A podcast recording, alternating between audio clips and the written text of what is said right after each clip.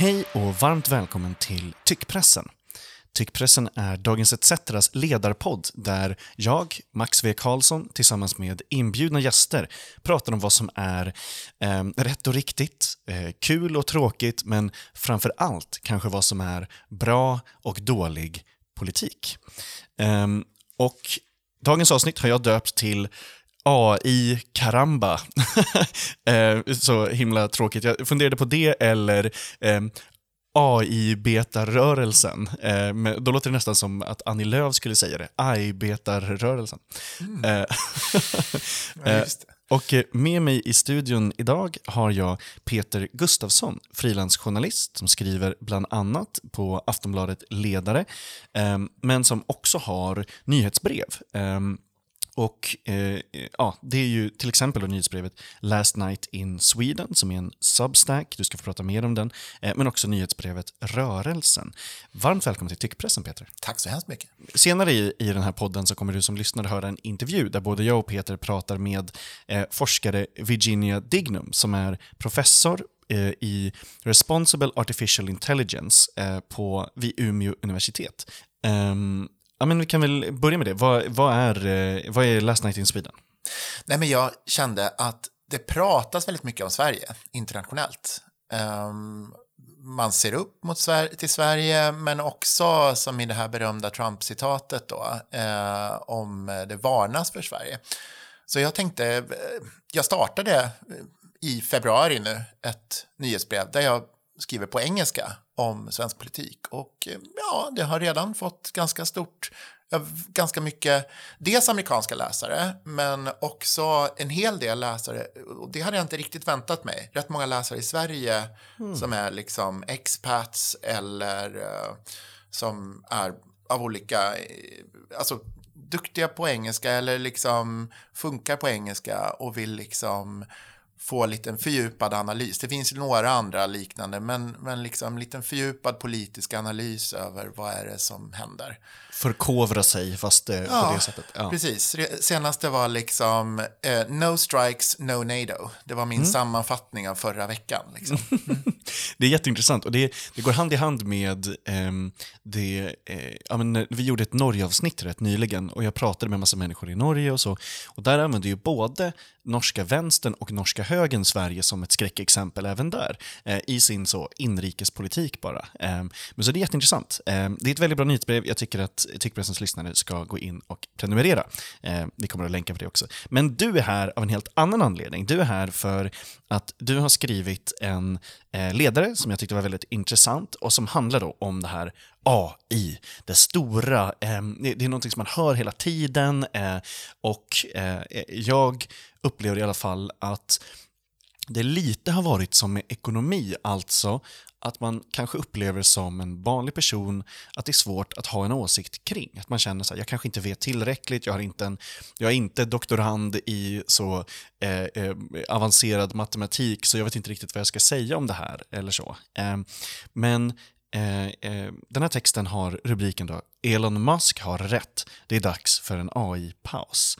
Ehm, Eh, vad handlar det här om? Och, och, och, också, varför är du intresserad av AI? Men ja. börja med din text. ja, nej, och jag ska börja med att säga att det första jag skriver i texten är att Elon Musk har fel om väldigt mycket annat. men, väl, så så det, det, får väl rubriceras som lite clickbait på något sätt. Helt men, rätt. Ja, nej, men... Eh, nej, men det är samma sak med mig. Jag har också varit fascinerad av det, men samtidigt fundera på vad kan man tycka om det? För man måste ju tycka om det. Om man är intresserad av samhället av idag så måste man ju tycka om AI därför att det kommer förändra hela våra liv. Så att det här var liksom ett första försök att liksom tycka om det.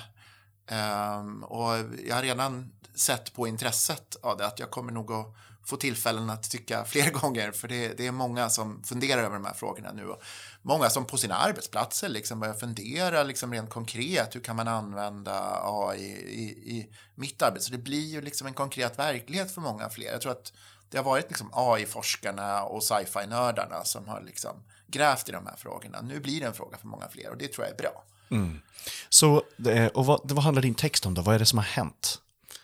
Ja, men det som har hänt är ju plötsligt att, att väldigt många saker som tidigare gjorts liksom manuellt kan plötsligt göras med hjälp av artificiell intelligens. Alltså skriva ett brev, alltså göra så standardiserade språkgrejer eh, som går att göra och faktiskt på flera språk. Alltså, översättningar har ju länge eh, blivit bättre och bättre, men nu kan också alltså programmen förstår skriven text, kan, kan, kan anpassa det oftast ganska bra. Mm. Um, det finns ju fortfarande barnsjukdomar såklart, och de som man hela tiden också jobbar med att göra, göra bättre.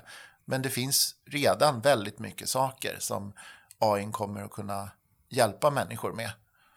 Och då, den 29 mars så kom det ett brev där Elon Musk och eh, tusentals andra inom techvärlden uttrycker en oro för eh, AI. Då. Eh, några av de här undertecknarna det är till exempel då Steve Wozniak som var med och grundade Apple, eh, även då Max Tegmark som är en sån känd MIT-fysiker och AI-forskare. Eh, de menar att utvecklingen måste pausas. Um, och att de säger att annars så kanske det inte finns en mänsklighet som citat kan njuta av en blomstrande framtid med AI. Ehm, vad, vad, handlar det här om? Vad, eh, är det här inte personer som tjänar på att utvecklingen fortsätter? Varför vill de ha en paus? Ja, det finns ju vissa som säger att en del av de där kanske skriver under för att de känner att de håller på att bli omåkta och, ah. och vill ha, ha, tid. Så, så kan det ju mycket väl vara. Som konkurrensgrej? Ja. Så kan det vara, absolut. Um, för att OpenAI har ju verkligen gjort en produkt som har slagit resten av uh, techvärlden med häpnad. Just det, det är stiftelsen Så, som är bakom ChatGPT. Ja, exakt. Som man väl har, tror jag, lite finansiering från Microsoft också. Va? Um, nej, men Eh, det är ju, eh, nej men det händer ju och, och liksom de, de gör ju liknelsen med att det är någon sorts race, eh, liksom, och, och, och framförallt faran som de pekar ut är att vi kanske blir fartblinda, att vi liksom tappar greppet om utvecklingen. Alltså, för oss som läst mycket sci-fi så innebär ju det då att liksom maskinerna får möjlighet att själva kunna producera nya program och liksom mer eller mindre ta över. Det finns ju hur många varianter av det här i, i science fiction berättelsen som helst. Men vad, som, vad de också varnar för det är ju liksom hur man här och nu, jag menar vi har ju en väldigt explosiv politisk situation. Jag menar vad händer när, när AI, för det handlar inte om ett om, när AI bottar, för sådana har vi ju redan nu idag, som jobbar på Twitter och producerar material. Liksom. Så man behöver ju inte liksom, eh, tro att liksom, take the red pill i, i liksom, Matrix för att liksom, se att AI här och nu kan användas av människor för att faktiskt liksom, påverka vår politiska process på både positiva och negativa sätt. Mm. Alltså skada, lura men också eh, liksom, underlätta, undervisa, eh, samla. Ja. ja. Eh, det här är jätteintressant. Jag, jag tyckte att din ledare var så himla eh, jätteintressant. Eh, för eh, eh jag är inte helt eh, så djupt doppad i eh, AI och teknikträsket. Jag är intresserad, men eh, eh, nästan så att öronen stänger av när man bara hör liksom, AI upprepat hela tiden. Eh, och, och så fort det kommer in på det här politiska så tycker jag att det blir det blir extremt intressant. Ehm, du säger också i, i eh, texten att eh, artificiell intelligens har en tendens att då både fascinera och skrämma i i, eh, eh, har gjort det i århundraden. Eh, jag, jag, vill läsa bara en del av den här texten. Du säger i Marie Shelleys Frankenstein från 1818 bringar en forskare liv i likdelar under ett åskväder och skapar ett monster som han tappar kontrollen över.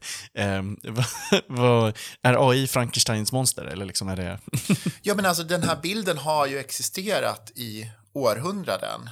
Och alltså, jag brukar se science fiction, många alltså, tycker inte om science fiction eller så. Men, men jag tror att vad jag tror att man måste inse det är ju att det, det är en utforskning av framtiden. Mm.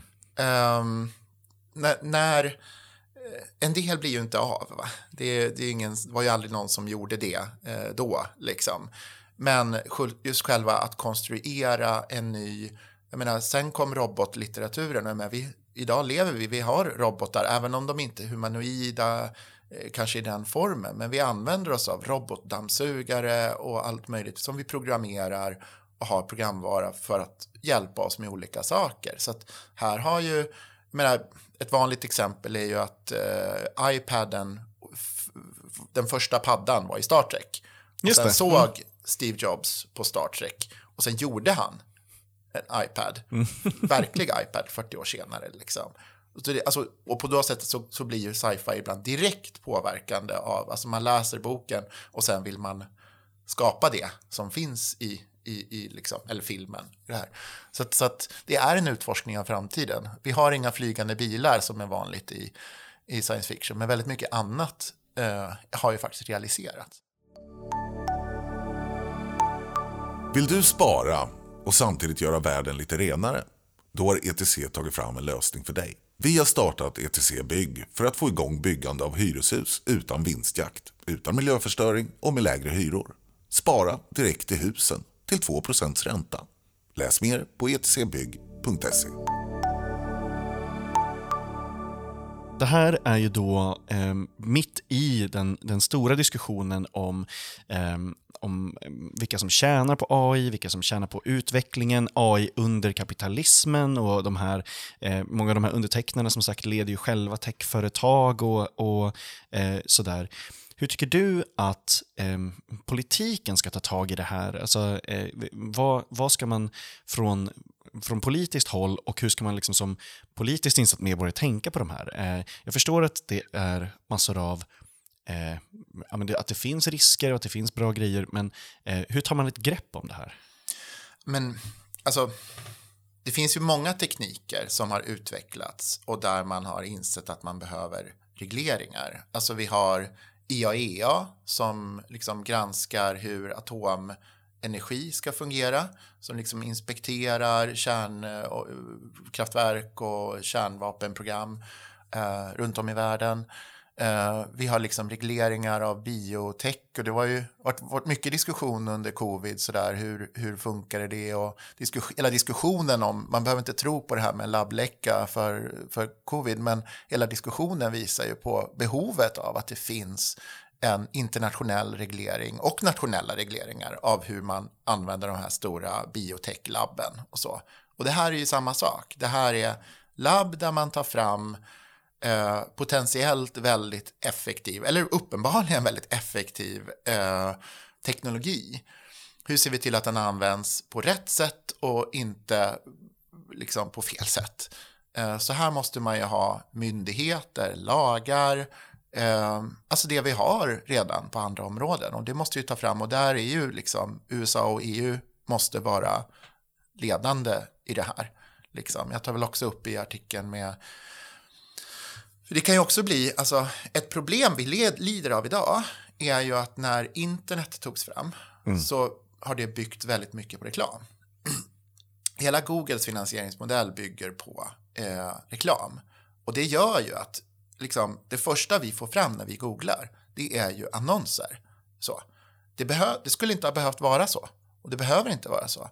Alltså bygger du upp med en prenumerationsmodell istället, att du finansierar det vid att du vill ha en sån här bra sökmotor och du är beredd att betala för det. Då blir det istället att du får fram det bästa, det du verkligen är intresserad av att få och inte det som någon är beredd att betala för. Och det här är också en, en fråga, det är en fråga för företag, vilka finansieringsmodeller de använder och faktiskt också för regleringar. Hur vill vi att det här ska fungera? Hur, hur vill vi att folk ska kunna utnyttja den här, liksom stoppa in en massa reklam i vår AI, vill vi ha det till exempel? Det är också en fråga. Det är också så att alltså, vissa av de här grejerna kan ju verka lite nästan löjliga, men är större än vad man kanske vid första anblick tänker på. Som att det blev ett jätte, jättestort fall nu för några veckor sedan eh, med en bild på påven, en AI-bild på påven. Eh, eh, såg du det? Nej, jag missade Det det. här är jätteroligt. Det, är alltså, ehm, det var i... ehm, Joel Goldby i The Guardian skrev “Jag trodde att jag var immun mot att bli lurad online. Sen såg jag påven i en ny jacka.” eh, Och då handlar det om eh, en bild som först kom på Reddit och som sen blev viral på Twitter där Eh, det ser ut som att påven har en jättedyr Balenciaga-jacka. Eh, jag ska visa den här bilden för dig så att du får se den också. Den blev viral först på Reddit och sen på Twitter då, och det var jättemånga som trodde att den var på riktigt. Man tänker ju väldigt mycket på eh, Ebba Busch när man ser den. Aha, var, varför då? Ja, men man tänker på den här Ja, det. Kiruna-besöket när hon hade en väldigt stor jacka. Ja. Nej, just det. När, när alla svenskarna hade så extremt eh, tjocka vinterjackor och eh, de som var där från EU-rådet hade så helt normala utekläder bara. Ja, för det var nollgradigt. ja, exakt.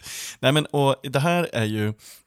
Eh, den här blev superviral på Twitter med jättemånga som trodde att den här bilden är ehm, eh, eh, på riktigt och den har också eh, eh, av några som Ryan Broderick som skriver de här frågorna, räk han räknar det här som det första riktigt globala eh, AI-genererade ehm, eh, bluffen, eller hoax. Alltså han säger att det är det första eh, riktiga AI-genererade breda myten. Ehm, och det, eh, det, är, det finns ju massa så eh, alarmism om AI och om, från liksom techkritiker och sånt där. Men jag tyckte också bara att det var lite kul. Eller jag, jag vill skratta, jag tycker det är roligt. Jag tycker det, och då blev jag direkt mer intresserad. Eh, så här, hur, hur, ja, där, påven i jackan gjorde mig mer intresserad av AI.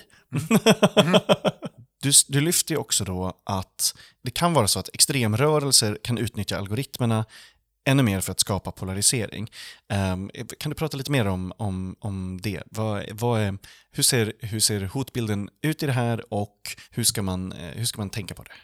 Ja, men det, här, det här är ett problem vi verkligen redan har. Vi har ju pratat om mycket de senaste åren, om liksom, eh, ryska trollfabriker och allt vad det är. Jag menar, här kan du skriva ett program som liksom säger åt eh, AI att producera ja, men gör sådana här eh, deepfake-grejer, liksom, gör påvarjejackor eller liksom, gör vad som helst som få, väcker, du behöver inte skriva in vad den ska göra, utan du talar om AI för, för AI. Liksom, sprid lite eh, falska nyheter. Liksom. Alltså, gör kaos. Gör, gör kaos. Alltså, och, och, och det, är ju, det är ju det här, det är väl det som är hotbilden framför allt skulle jag säga. Um, att, att ge du, du kan ge AI uppgifter att vara en mycket mer eh, skicklig, mycket, mycket kompetentare trollfabrik än de existerande trollfabrikerna. Alltså, för alla sitter ju nu add AI, alltså alla sitter ju och lägger, lägger till AI i sin befintliga verksamhet. Det är ju det som kommer att hända.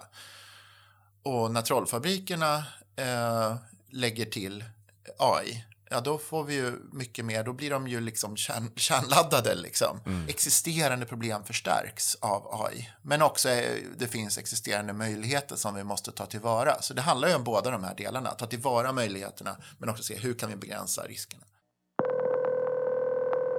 Nu ringer vi upp Virginia Dignum, forskare och professor i Responsible Artificial Intelligence vid Umeå universitet. Okay, so uh, let's uh, start this with um, a bit of a pre question. My question to you is um, When was the last time you had an experience connected to AI or machine learning that went you uh, that made you go wow or that made you have a wow experience? Uh, I think that that probably was a couple of months ago when I realized the amazing perceive, perceived capabilities of uh, large language models, like, for instance, what is used with ChatGPT.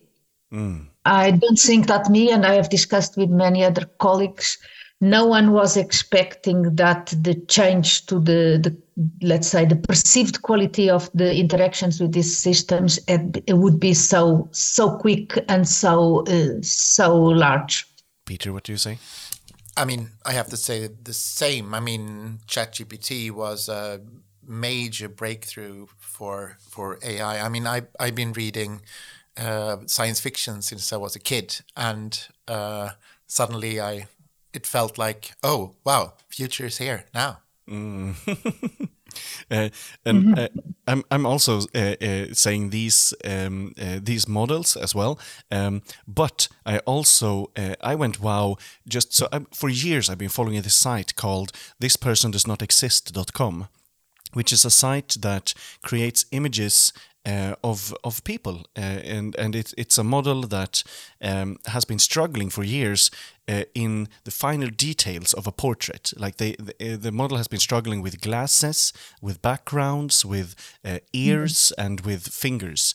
Um, but now this model uh, can handle those those areas much much much better, and the development has been just extremely fast in that area as well. So me yeah. as i study and research like um, online communities have seen an explosion in people using these fake images of people that do not exist as their profile pictures as mm-hmm. uh, as a way of uh, trying to uh, lure people in or to do scams uh, because they are so lifelike now. Me personally, reading about this and not being the expert but being interested, I have so many wow moments connected to AI.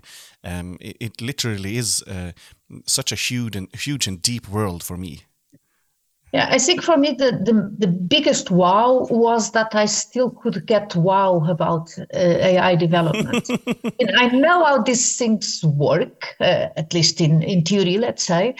Uh, I know what uh, we can expect from the development, but still, the uh, and I have talked with many colleagues, and I think that that is for us that have been working in AI for the last decades is the main thing. We didn't expect that the wow that we got with what these systems are able to do now was still able to wow us.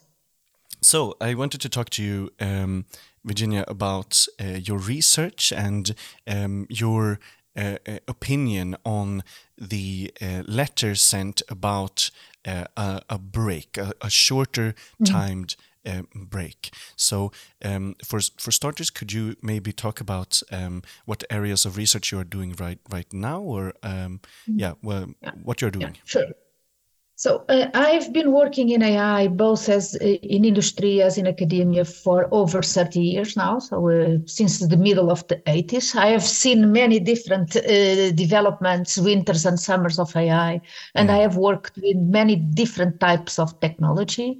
At the moment, the research that I do is mostly focused on the the governance of AI systems in one hand, and in the other hand, on the formal verification of desirable properties of these systems. So it's easy to say that we want these systems to be transparent or to be fair or to be uh, inclusive. Uh, but what does that mean when we are verifying a piece of software? Uh, how can we then look uh, from a formal perspective that indeed that piece of software that we are or uh, these huge systems that we are looking at are verifiable, fair, or verifiable, inclusive. Mm. So those are the kind of questions that we address at this moment. So I, I understand that this um, ha has to do with um, principal frameworks and and um, yes, so it has to do with, in one end, with uh, uh, very complex, heavy mathematical mechanisms to mm. look at and to really um, look at the the intricacies. And a lot of times we cannot really look at what uh, the inside of these systems are, the the so-called black box. But we still need to be able to guarantee something just uh, based on the input and output that is available to us. So those kind of mathematical experiments or mathematical development developments is part of what we do. But this is also not a pure computer science development anymore. We really need to take multi uh, a diversity of disciplines and also a, a, diversity of solutions. A lot of the, the solutions that we need for AI governance are not computational, but are organizational, are uh, educational, are uh, go, uh, legislative, and so on. So we work with many different disciplines on that. Har du pengar på banken? ETC Sol investerar dina pengar i solceller, det vill säga framtiden. 2500 personer har sparat pengar och får nu 2% ränta. Vill du vara med? Läs mer om hur du sparar på etcsol.se. I can ask you right away, Peter. You, you said that you've been uh, uh, reading sci-fi since since as a kid, uh, but um, so what piqued your interest about AI? Why do you write about this?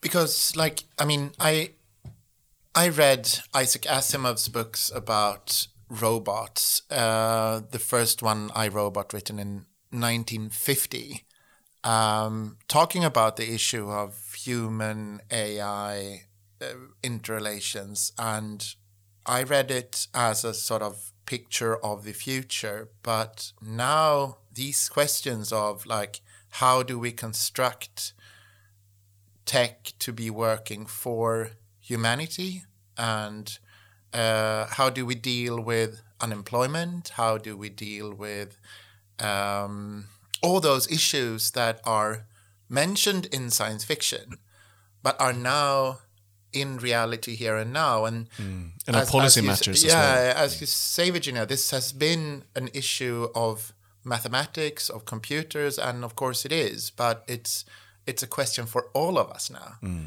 not only for sci-fi nerds, mm. not only for for uh, a, a, a, group of scientists, but mm. this is taking place in real time in our lives and will change our lives completely in the coming decades. So we need to think about the, this all now. The the expertise that Virginia and others have we need to take that in and try to start think about how do we want what do we want the future to look like and how can we deal with this in a policy way so it works good for for for all of us mm. yeah and and maybe yeah, not just see it as well as just a development of nature because i believe that some people feel like this is uh, something that just uh, is happening to them rather than they are being a part of something and that they just have to um, follow along. But uh, this is not the case right? I mean so this is of course man-made and uh, exactly. uh, yeah uh, so virginia would, would very you like to talk important about point that yeah. yeah. Yeah, very, very important point that it, is not happening to us. We are, we uh, people in general are making it happening. Also, science fiction is, remains science fiction, and I like uh, as uh, as many much as many many other people to read science fiction. What we are looking at is uh, can be seen as science fiction, but it is not. It is still very much. Um, illusion of um, of a, a, possible future in which, um, um, as described in science fiction.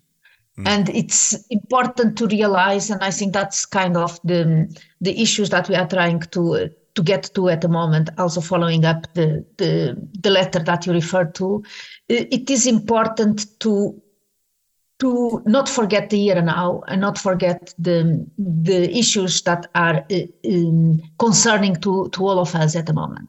But what would you say, uh, from your perspective, is the uh, the most important takeaways with with this uh, uh letter?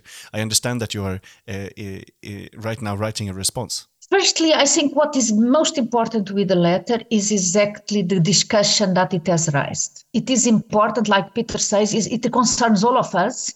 It is something which we all need to be part of. It's not something that is being done in uh, in labs and uh, it will or not uh, uh, be impactful. Now it is impactful now, and I think that is one of the issues that we really, the, the letter really brought forward.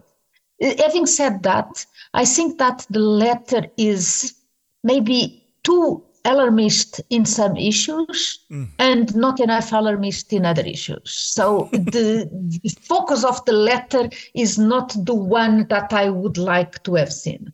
Uh, yes, these systems are going to be used or can be used for um, creating and generating fake news. They, they can lead to loss of jobs. But the, the, the main issue is that people are doing that. We are using these systems to support the development of fake news, to support the changes in jobs and so on. So, mm-hmm. what we really need to look at is not just for instance, at the loss of jobs and cry about the loss of jobs. We have been changing jobs since the Industrial Revolution. What we do now is not anymore what my grandparents did or uh, my, even my parents.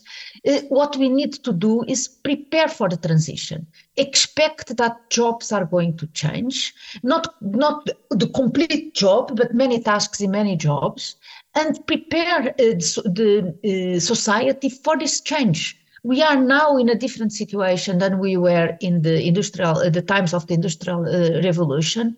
So we really have to benefit from the democratic opportunities from the the, um, the systems social support systems that we have in place and uh, make sure that those are uh, strengthened and not uh, deteriorated to exactly support the the, the the the changes in jobs. Just saying it's going to change jobs and therefore we have to stop the development. I don't think it gets there. Mm. So um, you you talk about um, and Peter, you've also talking uh, talked about the the fear of AI as a, a, a, central component in in the communication and how we talk about AI about this uh, almost mystic thing. So um, how do we move beyond the fear of AI? How do uh, how how uh, can regular people talk about it or, or how do we get regular people to talk about it without being scared of this without being um, without hearing that it is the start of skynet or something uh, uh, like like that peter what would you say how do we move beyond the fear of ai I think the first thing is to use it yourself and, mm. and, and try it to use ChatGPT and other like the fantastic image uh, mm. creation tools that are available. Um, and see what can I do with it. And of course, also, I mean, it's the still obvious, yeah. still obvious that there are clear limits to what this can do. But I mean, what the letter warns about, if I'm going to be the, the defender of the letter, yeah. is also that we don't really know what happens in the labs. Like what what yeah. because it's, a race now. Everyone wants and this is uh, i mean this is the normal dynamic of capitalism. Like you everyone wants to create the a better version and what happens if you haven't tried it enough if it's not secure enough? And that's what the letter is warning about the ChatGPT 5 and its other versions. What will it be and what are the potential risks with that? Mm. Virginia, so what would you say about the fear of AI and moving beyond it? Uh, education is the main uh, uh, main tool that we have to uh, move away from the fear of AI we need to integrate these tools, the, the existing tools, in regular um, um, education. It's not just saying, yeah, you cannot use it to do your homework, like a lot of uh, schools and the countries are claiming. no, let's use it and mm. let's integrate it in the in uh, in education and discuss about it. What did you got? What did it facilitate in your homework or whatever else that you did with ChatGPT that you didn't did before? How could you? How can you use it and then still verify that what comes out of it is correct and not just made up uh, uh, hallucinations. So, I think that is the main thing. Uh, at the same time, I do agree that we are in a, um, in a, um, increasingly speed of development, but I, I, I really am uh, very uh, concerned or troubled by the metaphor of the race. I don't think we should look at it as a race. We need to really look at it as an opportunity for collaboration. Indeed, at this moment, the, the developments are done by companies and we don't know what they are doing inside. What we do need to to do is, uh, I think, two things. One is to really uh, believe that by collaborating, by working on it together, uh, we can do much more than each uh, of the large companies by themselves by keeping it closed. And at the same time, we really need to have much more uh, public uh, uh, public um, investment, public incentives for those that are not inside those companies be able to uh, collaborate and uh, integrate their developments with what the companies are doing. Uh, talking about a race is always about winners and losers. It's also about uh, somewhere there is um, an end line in which someone will get the, the medal. Uh, there is no end line. There, are, there shouldn't be winners and losers. We do need to focus more on exploring different possibilities, on doing it together, and uh, doing it for the benefit of the world in general, not just as here in uh, in the developed uh, uh, side of it. Mm. What would you say? Peter? I think one early place there we, where we should really use AI a lot is when it comes to unemployment policy. I think when when people will lose jobs because some jobs will be lost due to the this development. Others will be, be created, but some will, some people will lose jobs. And what AI can do, and the, as an educational tool, is that you can actually tailor education for individual yeah. needs. And that's something that I think governments should invest a lot in. Like, how can we do like an unemployment policy 2.0? Uh, really use it to help those individuals who actually are in somewhat losers of this development, but can actually be turned into winners. Yeah, definitely. And also so, social security 2.0. Uh, I think there is a lot of developments in which AI really can and should be supporting the transition. And if we focus on it, on crying for the lost jobs, which of course it, I'm not trying to make it uh, lighter than it is. It, it is hard, and transitions are hard. But we can really uh, start now already thinking what can we do to make this transition as beneficial and as uh, uh easy for all of us. Mm. And uh, uh, by focusing on education, focusing on uh, social security, and applying AI to to really improve these areas, I think it's uh, it's a much more uh, positive way to look at the the current state. Uh, so Virginia, I'm gonna I'm going to let you go. Uh, we're almost out of time for for the interview, but mm-hmm. I would like to ask you if you have um, something that you would like to say to the listeners uh, about. Um, um so what what do you think uh, would be the next step for policy wise? I, I mean, for policy makers or or uh, um, for the policy side of it. Um, so what should what should state state actors do, or uh, and what should policymakers uh, um, what should be the next step for policymakers about this? Um, thank you for the question. Um, yes, uh, I think regulation is definitely important and needed, and really uh, uh, one of the, the, the issues that we need to work on. But we should look at uh, both policymakers, as uh, industry, as the society in general. Uh, regulation is not about cutting or cutting off opportunities or saying you cannot do this, cannot do that. We really need to look at pol- uh, at regulation as a stop stepping stone for innovation. By putting the regulation in the right way, together with the incentives to move in the directions that we find beneficial, then we really are creating the opportunities for uh, business differentiation, for new developments, for new research. If we say, yes, uh, uh, it's great what is being done now with the large language models, but we don't allow, we don't allow these models to be uh, opaque or not giving explanations or whatever, uh, this type of regulation, this type of direction is going to uh, necessarily and by definition force development in the directions we, which we want, in which we get the benefits of the large language models, together with explanation, together with transparency, together with all the other uh, principles that we find important. So we need to do regulation together with incentives and put see it as a stepping stone and not, not as a block in a in a development. Do you think there is a risk for computers taking over, mm. and where at about what point in development would we see that kind of a risk? Uh, I don't think, uh, uh, let's say, I don't really think that computers as we have them now, the, the type of the digital technology that we have now, I don't see a risk of that taking over. Of course, there are developments in biocomputing and all kinds of other things, which I, I, don't really know, but those ones are not something which we need to worry, I think, in our lifetimes. What I do worry, uh, and it's a risk today, is people using the technology that we have now, even uh, less smart than whatever ChatGPT can do, uh, and using it wrongly and using it for malicious purpose. So I'm much more uh, afraid of what people can do than what computers can do. Mm, perfect. So thank you so much for your time. Thank you. Thank you very much for the invitation. Bye bye.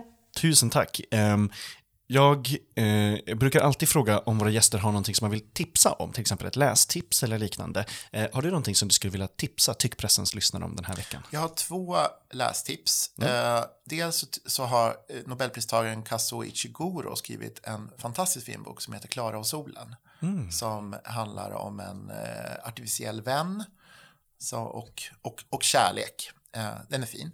Eh, och sen så kan man läsa Max Tegmark som vi nämnde. Eh, en bok som heter Liv 3.0 som är en väldigt bra introduktion. Ibland blir han lite för liksom, matematisk, fysisk i boken, men då får man liksom hoppa över det lite grann. Men, men det är en väldigt bra liksom, introduktion och för den som liksom är allmänt intresserad av de här så är det ett ganska bra sätt att få inblick i forskningen. Toppen. Och mitt tips den här veckan är att eh, följa Peters nyhetsbrev och på Twitter. Eh, och de kommer jag länka till också. Eh, tusen tack för att du var med den här veckan. Tyckpressen är tillbaka redan nästa vecka. Hej då! Visste du att 90% av medierna i Sverige är borgerliga? Samtidigt har extremhögern byggt upp en hel pamflett av propagandasidor. Dagens ETC är dagstidningen som ger hopp och ryggrad att stå emot den blåbruna sörjan. Sveriges enda röda dagstidning för en grönare värld. Testa att prenumerera idag på etc.se.